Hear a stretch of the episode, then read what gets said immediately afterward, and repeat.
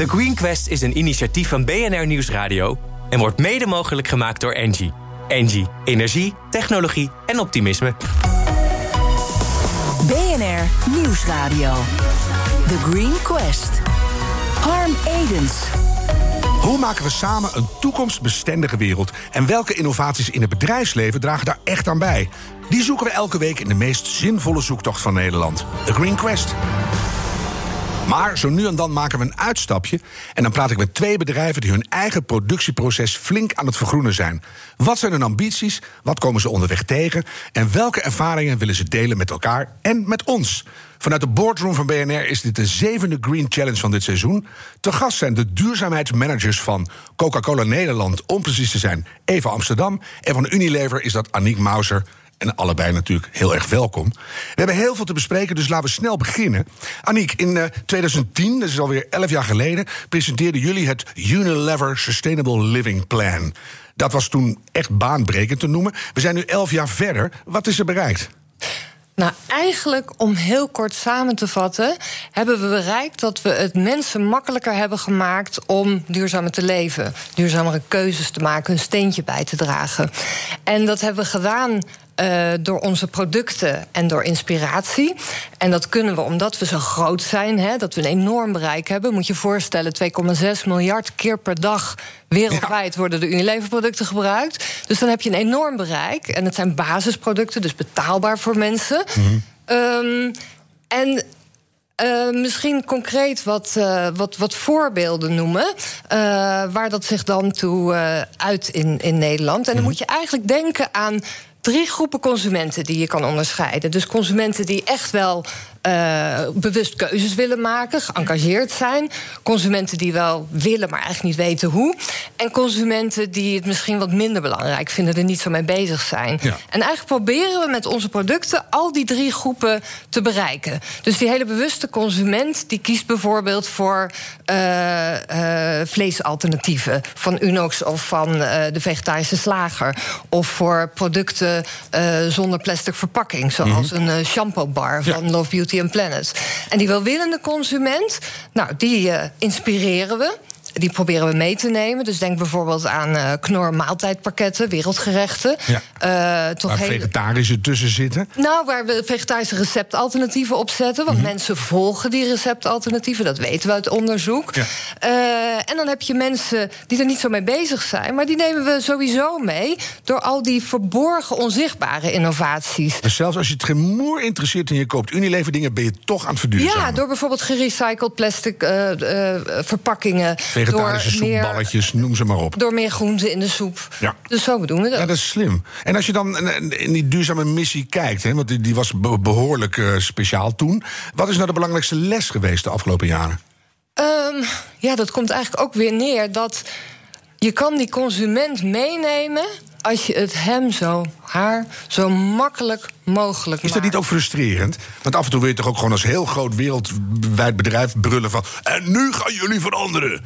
En, maar dat doe je niet. Je, je, je duurzaamheid is en... altijd secundair. Ja. Dus je wil het heel makkelijk maken. Neem zo'n zo'n verpakking van Love, Beauty and Planet. Mm. Dat is een merk wat echt ge gemaakt is, gebouwd is... rondom een, een planeetmissie, hè, met gerecycled, uh, gerecy uh, plastic flessen van gerecycled plastic... Uh, vegan ingrediënten... Mm -hmm. En daarmee communiceren we ook naar die millennial die geïnteresseerd in beauty is: van hé, hey, je kan onderweg ook nog wat goeds doen. Maar ik stond bij een drogisterijketen en toen kwam die net uit en ik wist niet dat het van jullie was. Ik heb uitgebreid dat flesje staan uh, te beoordelen, want het ziet er best wel traditioneel, hoe hip ook uit. Je denkt, weer plastic, weer een pompje, wil ik allemaal niet. En toen dacht ik, hé, hey, als je goed kijkt, gerecycled. Allemaal veel beter dan je denkt. Dus jullie gaan echt bewust op die, op die middenmoot zitten. Van de, de, de freak kan het kopen en de totaal ongeïnteresseerde denkt... oh, lekker, Beauty of Planet, dat is leuk. En dan, je kan er uh, bewust voor kiezen, of je kan er geïnspireerd voor raken... of je staat er niet bij stil, maar doet het onderweg toch. Ja, Eva, uh, Coca-Cola, daar hou jij je bezig met duurzaamheid. En jullie strategie heet This is Forward. Kan je een paar concrete ambitiedingen, uh, doelen die jullie nastreven noemen... waar jullie mee bezig zijn? Zeker. Nou, ik denk dat uh, een van de grootste van onlangs is dat wij een klimaatneutraal bedrijf willen worden. Uh, in 2040, Mhm. tegen 2040. Dus Maar die- tien, jaar sneller dan gemiddeld. Precies, tien jaar sneller dan Parijs. Ehm, maar die duurzaamheidsstrategie is natuurlijk nog veel breder dan dat. Die gaat ook over verpakkingen, over water, eh, maar ook over inclusie bijvoorbeeld. Mhm. Ehm, dus daar vallen heel veel grote onderwerpen onder. ja. En dan doe je eigenlijk een, een totaal eh, beeld schep je s- van zo'n wereld willen we maken. En hoe komen we daar? Waar ben je in 2030? Want dat gaan we allemaal nog meemaken, hopelijk. Nou, we hebben de afgelopen tien jaar al 30% uitstoot verminderd. Maar dat willen we de komende tien jaar weer doen. Mhm. Dus weer 30% eh, reduceren. En een hele mooie stap die we binnenkort al gaan zetten... is dat we onze fabriek... dat is misschien wel leuk om te vertellen. En mensen denken, oh, groot eh, Amerikaans bedrijf... die flesjes komen uit Amerika hierheen gevlogen. Ja. Maar we hebben een Brabantse fabriek met Nederlandse suikerbieten. Echt een soort uh, oer-Holland. En die willen we dus in 2023 al CO2-neutraal maken. Dus ja, dat zijn wel hele mooie stappen om Dat te zijn goede dingen. Want eh, je kijkt uiteindelijk, dan kom ik bij Aniek zo ook op, naar die hele keten. Hè, want dan neem je pas echt verantwoordelijkheid voor datgene wat je aan het doen bent. Ik denk bij jullie altijd, zit toch een hoop suiker in de meeste cola's. Hoe kom je aan zoveel suiker? Is dat ontbossing of kan dat zonder ontbossing? Nou, dat, dat verschilt natuurlijk per land, maar wij gebruiken Nederlandse suikerbieten. En uh, in Nederland is die industrie al wel ook heel erg bezig met duurzaamheid op zijn eigen manier. Dus van die suikerbiet wordt eigenlijk alles uh, gebruikt, alle onderdelen. En dat bestaat bijvoorbeeld voor een groot deel uit water, maar dat wordt dan weer gebruikt om in die fabriek uh, ja. van de suikerbieten te. Dus zo circulair mogelijk ben je daar aan het suikertelen. Maar dan ja. kijk jij vanuit het kleine Nederland natuurlijk met het opgeheven bekende vingertje naar bijvoorbeeld Zuid-Amerika. En dan zeg je, jongens, moet anders. Ja, we zijn natuurlijk. Dus we hebben een wereldwijde strategie vanuit de Coca-Cola Company. Laat ik het anders zeggen. Als de rest van Coca-Cola het niet goed doet, is jouw image nog steeds waardeloos.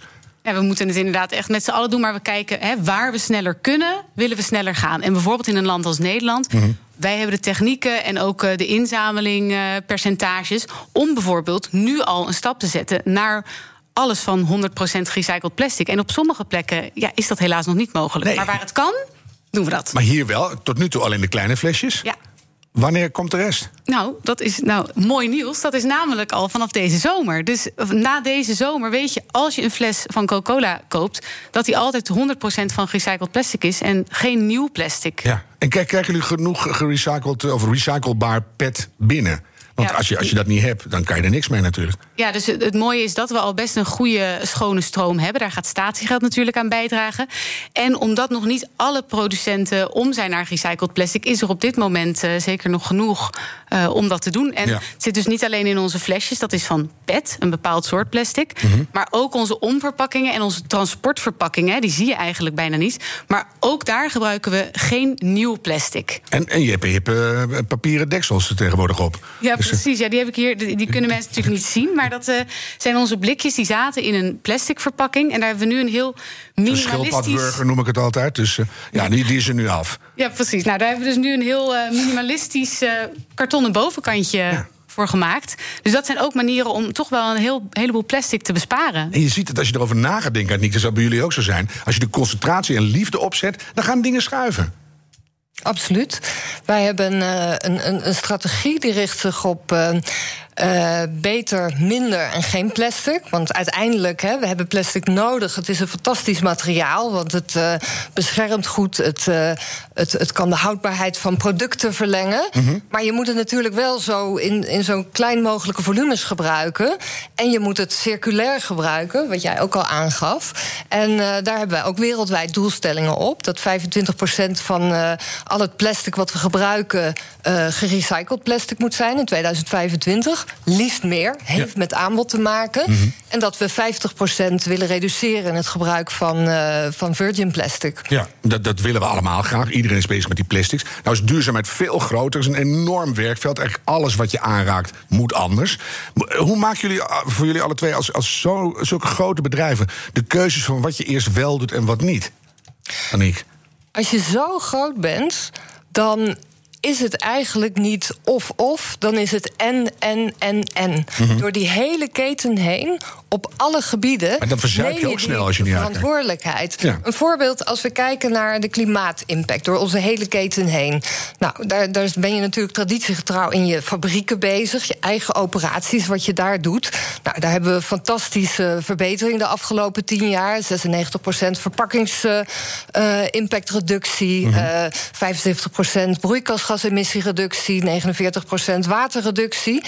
Maar tegelijkertijd zien we ook, als we daar die hele keten kijken, dat Dan maar ben je 2% maar zo'n onder- Ja. wordt veroorzaakt Ja, in onze eigen zelf. fabrieken. Ja. Dus je moet ook echt naar die keten verder kijken. eh, naar de grondstoffen die je gebruikt, hoe die geproduceerd worden. En naar de consument. Dus die En hele keten moet op doet. tafel. Eva knikt, bij jullie ook dus. Ja, zeker. En wij vertellen hier het verhaal. Maar het is echt iets wat je samen met je leveranciers doet. En die uitstoot, je hebt dus directe uitstoot en indirecte uitstoot. En waar je dan over na kan denken is bijvoorbeeld de koelingen die wij bij klanten neerzetten met onze drankjes erin. Mhm. Die verbruiken daar ook stroom. Dat is ook uitstoot waar wij ons verantwoordelijk voor voelen. Je Dus hebt twee hele goede en eigenlijk één supergoeie Nederlandse innovatie op dat gebied. We moeten bellen na afloop. BNR Nieuwsradio. The Green Quest. In deze The Green Challenge praat ik met twee bedrijven die grote stappen zetten in het verduurzamen van hun productieketen. Te gast zijn Eva Amsterdam van Coca-Cola Nederland en Aniek Mauser van Unilever. We hebben vooraf gevraagd aan jullie: eh, denk even na over een boek, een documentaire, een ander bedrijf, maakt niet uit wat, wat indruk op je gemaakt heeft. Eva, wat heb je meegenomen? Nou, ik vind het heel leuk om van andere bedrijven te leren. Dus ik vind deze, deze radio al een heel eh, goed initiatief natuurlijk. Mhm. Maar ik luister ook vaak naar een podcast... waarin dus eh, changemakers op het gebied van duurzaamheid vertellen. En die heet de Sustainable Nation podcast. Ja, dus leuk. die kan ik zeker aanraden. En wat heb je gehoord daarin waarvan je dacht: hé, hey, dat is iets voor mij? eigenlijk vanuit alle verschillende hoeken hoor je daar verhalen. Maar dat gaat ook over hoe je wel altijd bij de kern van je bedrijf moet beginnen. Hè. Dat moet kloppen. Dus bij ons gaat dat over suikerreductie maar, en over verpakkingen.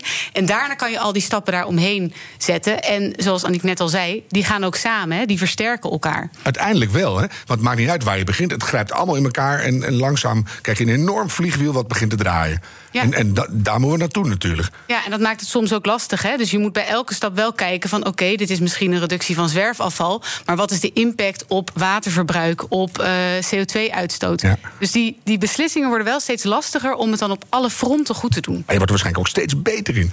Aniek, wat heb jij meegebracht? Ehm, ik heb. eh, Behalve heel veel artikelen van jezelf. Er staat hier een tafel vol met vegetarische balletjes en shampoo en schoonmakers. Allemaal met een duurzame inslag. is wel leuk om te zien. Ja. mayonaise. Ja, in een gerecycled eh, petfles. Ja, maar dat wou je- dat wou je vast niet zeggen. Nee, wat, eh, wat mij heeft geïnspireerd eh, is Game Changers. Dat is een documentaire van Netflix. Mhm. Die gaat over een atleet die geblesseerd is... en op zoek gaat naar voeding. En geïnspireerd raakt door allerlei topatleten... die vegetarisch of een veganistisch dieet volgen. En nou, daar gaat hij echt helemaal induiken. En ik hoorde in mijn omgeving een aantal mensen... die die documentaire hadden gekeken... en die daar echt mee bezig waren gegaan. Die echt hun voedingspatroon gingen aanpassen. Dus Ja. ik ben hem zelf ook gaan kijken. Met mijn zoontje van tien. Beste bewijs. En hij wil NBA-basketballer worden. Kijk, dus, eh, Hoe lang is hij nu? Hij, eh, nou, voor zijn leeftijd lang. 1,60 bijna. Ja, oké. Maar dat schiet- schiet nog door, Hij ja. is dus nu, hij heeft besloten vegetarisch te worden. Kijk. Maar wat het, wat het gave is aan die documentaire is dat je door het inzetten van een aantal eh, sporthelden, iconische figuren, een enorme impact maakt op mensen. En er valt wetenschappelijk best nog wel wat af te dingen op, op hoe de feiten geponeerd zijn en dergelijke. Maar de overall boodschap, die blijft staan. Dat het een bijzonder goed idee is voor je eigen gezondheid en de gezondheid van de planeet om wat minder vlees te eten. En kets dat dus door naar het hele Unilever, want daar gaat nogal wat vlees in om. Ehm, Zou dat nou denkbaar ja, zijn? kijk, 2030, 2050, een Absoluut. vegan Hè? bedrijf? Wij, wij hebben als doelstelling dat we eh, bij willen dragen aan een, ehm, een gebalanceerd eh, voedingsdieet. Hè? Dus eh, 50% dierlijke, 50% eh, plantaardige eiwitten. Mhm. En dat we die hele plantaardige bedrijfsonderdeel van ons in 2025 willen hebben uitgebreid naar minstens een miljard euro per jaar omzet. En dan die percentages uiteindelijk ook nog, eh, ik bedoel, 10, 90 eh, is nog veel beter natuurlijk. Uiteindelijk gaat dat verder en verder. We gaan je heel erg nauwkeurig daarin volgen. Eva, eh 1 juli statiegeld op kleine plastic flesjes. Blij? Zeker. Ja, wij willen zoveel mogelijk en zo schoon mogelijk plastic terugkrijgen... om daar die nieuwe flesjes van te maken, die ik hier bijvoorbeeld eh, heb staan. En ehm, daarvoor is het heel belangrijk dat die inzameling op een goede manier gaat. Dus Je hoort daar dubbele dingen over. hè? Het heeft totaal geen zin nu, of juist wel. Bij jou begrijp ik, voor jullie heeft het zeker zin. Unilever zo langzamerhand ook. Dat je dit, dat eh, oude plastic binnen wil hebben... zodat je minder nieuw spul hoeft te gebruiken. Zeker. Maar de, de, het loopt nog allemaal ingewikkeld. Nou, we weten in ieder geval voor PET, hè, het plastic materiaal waar flesjes van wordt gemaakt, dat het heel belangrijk is. En het gaat ook over de waarde die je geeft aan het materiaal. En die proberen we ook aan consumenten mee te geven. Dus uh, zo vertellen we ook, hè, leeg ook waardevol. Dus ons product zit natuurlijk in die flesjes. En we hebben laat voor het eerst een campagne gehad... waarin we alleen de lege flesjes ja, echt supergoed. Leeg heeft waarde. Precies. En hè, geef het ook terug, want daarvan wordt jouw nieuwe flesje weer gemaakt. Ik hoor bij alle twee van jullie heel veel ambitie. Ook heel veel vergezichten nog, want het, het is niet heel snel geregeld. Wat lukt er op dit moment nog helemaal niet zo goed? Nou, wat ik zelf altijd wel bijzonder eh, vind, uh, is dat een van onze ingrediënten in ons flesje zit CO2. Dat is namelijk de prik. Dat, is, uh, dat zijn de bubbels in het flesje. En, uh, kan je nou, dat ook vervangen door stikstof bijvoorbeeld of zo? Want dan... Nou, dat is wel al hergebruikt CO2, dus dat wordt ergens anders uitgestoten en wij gebruiken dat. Maar daar verlies je nog wel eens wat van als je dat in je product probeert te doen. En we noemen dat letterlijk fugitive CO2, voortvluchtige CO2.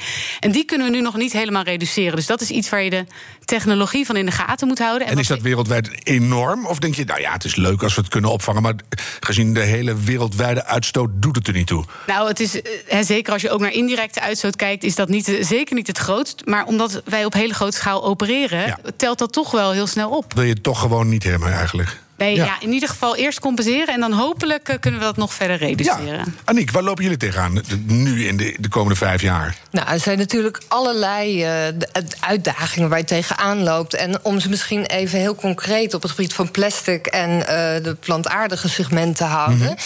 Uh, voor plastic gaat dat over uh, de beschikbaarheid uh, en, en de prijs en de kwaliteit van gerecycled plastic. Mm -hmm. dat, dat moet echt omhoog. En daarvoor is samenwerking in de keten en, en nieuwe Minder technologie plastics. belangrijk. Absoluut. Dat Al je dat uiteindelijk naar vijf tot zeven polymeerstructuren toe gaat. Dat mm -hmm. je goed schone stromen van een hoge kwaliteit en hoge volumes krijgt. En wat, wat, waarom lukt dat niet? Want we dat hebben we het al een paar jaar over. Ehm, nou, dat gaat bijvoorbeeld over het, het, verder investeren in state-of-the-art technologie in uh, recyclingbedrijven. Mm -hmm. Dat gaat soms over wetgeving en barrières wegnemen. Jullie zijn een wereldspeler. Als jullie toch op een gegeven moment zeggen, misschien samen met Coca-Cola. Nou, wat leuk dat jullie alle twee zijn. Wij willen gewoon vijf soorten polymeren. Punt. Nou, ik, ik, denk dat hoe wij hier aan tafel zitten met twee hele grote wereldspelers, dat mm -hmm. ook een enorme impact heeft in die hele transitie wereldwijd naar gerecycled plastic.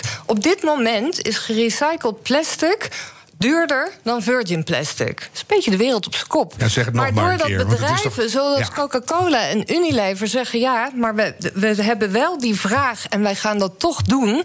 krijg je natuurlijk dat die hele trein gaat rollen. En dat is er nodig. En Eva knikt nu, hè? dus jullie zijn het daarop helemaal eens. Ja, Want die doppen van die flesjes die willen eigenlijk ook nog niet goed. Dus we, we moeten even de maar versnelling... Maar daar heb ik wel een leuke oh. uh, innovatie Eva, let voor. op. Hè? Ja. Ik heb hier, uh, uh, nou jullie kunnen het niet zien... maar dat is een, een, een zwarte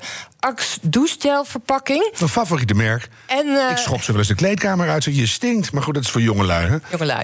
Maar goed, deze uh, is van zwart plastic gemaakt. Dat komt tot voor kort uh, niet in de uh, sorteermachines worden herkend, omdat het UV-licht absorbeert. Mm -hmm. En nou hebben we een technologische innovatie waardoor die uh, een beetje blauw is toegevoegd. En dat noem je detectable black. Aha, waardoor die wel kan worden recycled. Ja. Dus misschien moeten jullie doppen van detectable black maken. Zo hebben we bijvoorbeeld deze pompjes waren eerst zwart. Die zijn nu donkergrijs. Ja, het is een. Love Beauty and Planet Het is een product. mooi antraciet. Waardoor ze helemaal recyclebaar zijn. Geweldig. daar, daar gaat het om. Uiteindelijk gaat het er natuurlijk om uh, de intrinsieke motivatie van die bedrijven om te veranderen. Je kan het allemaal zoeken in de buitenkant en de oplossingen. Uh, Eva, hoe graag wil Coca-Cola bijdragen aan een betere wereld? Zijn jullie daar al uit? Dus niet aandeelhouderswaarde, niet puur winst maken. Dat je denkt, we moeten wel vergroenen, anders dan zijn we weg. Nee, omdat je het zelf wil. Ja, ik denk dat dat, dat het samen gaat. Hè? Dus dat je uiteindelijk ook die aandeelhouders op zoek zijn naar die vergoeding. Maar dat, dat we het zelf ook willen. Ik zou anders ik... zeggen, neem andere aandeelhouders. Hè? Maar je, als je het zelf wil, dan stop je niet meer. Ja, en dat zie je bijvoorbeeld in zo'n investering. Hè? Het werd net al gezegd, gerecycled plastic is duurder dan nieuw plastic. En toch uh, maken wij nu die stap. Nou, dat kost echt wel een paar miljoen per mm -hmm. jaar. En de vraag is hoeveel mensen gaan er een extra flesje van kopen. Maar dat is iets als marktleider, een stap inderdaad die je ja. moet zetten om het voorbeeld te geven. En dat je dan misschien voorop loopt en later dat geld ook weer terugverdient. Hè? Zou nou, kunnen. Hopelijk wel. En ook als je het hebt over intrinsieke motivatie. Kijk, ik ben nu duurzaamheidsmanager, maar die, die passie had ik daarvoor al. En uh, we zoeken, uh, proberen elkaar ook op te zoeken dan in een bedrijf. Dus we hebben ook uh, Team Forward, heet het dan, binnen Coca-Cola. Mm -hmm. Met mensen van legal, van finance, uit de fabriek. Om samen na te denken, hè, hoe kunnen we nou die stappen zetten? Legal, superbelangrijk. Laatst een hele serie gesprekken over gedaan. Dat, dat onderschat je. Aniek, hoe intrinsiek gemotiveerd zijn jullie? Uh, nou, het zit echt geïntegreerd in het bedrijf. We hebben ook net de nieuwe tienjaarstrategie uh, wereldkundig gemaakt. Een mooie naam. En uh, de Kompas-strategie heet ja. die. En dat is echt volledig geïntegreerd, de businessstrategie en de duurzaamheidsstrategie. het een gaat samen met het ander. En wij zijn er echt van overtuigd dat het enige lange termijn houdbare businessmodel is. Ja. en, en dat het gaat over het bijdragen aan die zero carbon, zero poverty uh, samenleving Die in 2050. SDG's, de, de Sustainable Development Goals. Ja, heel goed. Wat, wat leren jullie van elkaar? Wat wil je aan Eva leren? Nou, het is natuurlijk heel mooi om te zien dat er uh, veel grote bedrijven en natuurlijk ook heel veel start-ups, maar wat er gebeurt in de wereld aan innovaties en hoe hard het nu gaat. Mm -hmm. En ik zie daarin echt een zich sterk, zichzelf versterkend vliegwiel bezig. Uh, bijvoorbeeld op het gebied van uh, gerecycled plastic of de transitie naar een meer plantaardig dieet. En daar inspireert iedereen elkaar, daar hou je elkaar scherp. En daarmee creëer je ook een veel uh, grotere vraag uh, bij consumenten. En een beter speelveld, denk ik. Hè? Palmolie komt eraan, al die dingen. We zullen overal oplossingen voor moeten verzinnen. Nou, dan is het, hoe breder je het doet, hoe beter het is. Wat wil jij aan uh, Aniek leren, Eva? aan haar wil leren. Nou, ja. Ik ben sowieso uh, altijd in, onder de indruk ook van de stappen van Unilever. Aha. En ook hoe zij jaren terug natuurlijk al hebben laten zien dat goed doen en uh, goede business draaien samen kan, uh, kan gaan. Ja. Um, maar ja, ik denk echt dat we zeker als het gaat om duurzaamheid ook samen moeten werken. En ook uh, voorbij competitie moeten durven kijken. Hè? Het delen van dit soort technologieën, bijvoorbeeld van het, van het zwarte plastic. Ga je daar ook over praten dan met elkaar? Want ik als consument wil dat zo graag horen. Dat je denkt, oh, twee giganten die zijn ook bezig om die wereld vorm te geven. Ik wil dat niet alleen maar achter de schermen stiekem in de kleine lettertjes. Ik wil die verhalen. Ja, zeker. Nee, maar daar praten we als, zeker als duurzaamheidsmanagers onder elkaar zeker over. Want dat is alleen maar inspirerend. Mm -hmm. Maar ook naar buiten toe. Kan het beter, Aniek? Kan altijd beter. Groter, mooier. Laat ons, laat ons weten wat je doet. Nou ja, het is wel grappig, want soms doen we hele grote dingen en die ziet ook niet iedereen. We hebben bijvoorbeeld een paar jaar geleden een hele grote campagne gehad. Die heet Don't buy Coca-Cola if you don't help us recycle. Aha. Nou, dat was echt wel even spannend. Ik heb hem ook gemist hoor. Maar... Ja, precies, nee, maar het, ik vind hem wel goed. op hele grote ja. billboards gestaan. Ja. Maar ja, dat moeten we dan toch daarna ook nog vertellen. Hè? Want er komen mensen naar ons toe die zeggen... ja, maar als jullie nou eens echt een statement durfden te maken over recycling... dan Hm. denk ik, nou, Net we stonden daar op, die, op dat billboard. Nee, maar het gaat absoluut over moed. Het gaat over visie. En het gaat over die lange adem. Het volhouden en het blijven herhalen. Ja. En mensen aan de hand nemen en het zo makkelijk mogelijk maken. Nou zijn jullie alle twee al redelijk bedreven in wat er gebeuren moet. Er luisteren ook heel veel kleine bedrijven, start-ups, scale-ups... of allerlei bedrijven die nog niet begonnen zijn. Hebben jullie alle twee een tip? Hoe begin je? Nou, hier volledig op focus is de toekomst. Maar wat is je eerste stap dan? Um, kijken wat, uh, de, wat de behoeften in de markt zijn en hoe dat zo duurzaam mogelijk kan. Ja, en daar de niche zoeken en, en daarin springen. Ja. Eva? Ja, doelstellingen zetten voor het hele bedrijf. Hè. Niet alleen de duurzaamheidsmanager hierop laten werken, maar overkoepelende doelstellingen, zodat iedereen in het bedrijf zich daar verantwoordelijk voor voelt. Mm -hmm. Dus niet meer een, een, deur op de tweede verdieping met duurzaam erop, maar aan de basis van je hele bedrijf. Ja, ik wil het natuurlijk niet te hard zeggen, maar het zou toch het mooiste zijn als je geen duurzaamheidsmanager meer nodig hebt, omdat iedereen binnen zijn eigen expertise die duurzaamheid meeneemt. Word jij gewoon een nieuwe directeur? Ik dank jullie enorm. Eva Amsterdam van Coca-Cola Nederland. Aniek Mauser, de duurzaamheidsmanager van Unilever. Volgende week zijn, er weer, uh, zijn wij er weer met een reguliere aflevering van de Green Quest. En over ruim een maand ga ik weer in gesprek met twee grote bedrijven... die hun duurzame ambities met ons gaan delen. Deze aflevering terugluisteren kan via de BNR-app, bnr.nl... of je favoriete podcastkanaal. En bedenk minstens één keer per week... die volhoudbare wereld, die maken we samen. The Green Quest is een initiatief van BNR Nieuwsradio... en wordt mede mogelijk gemaakt door Engie. Engie, energie, technologie en optimisme.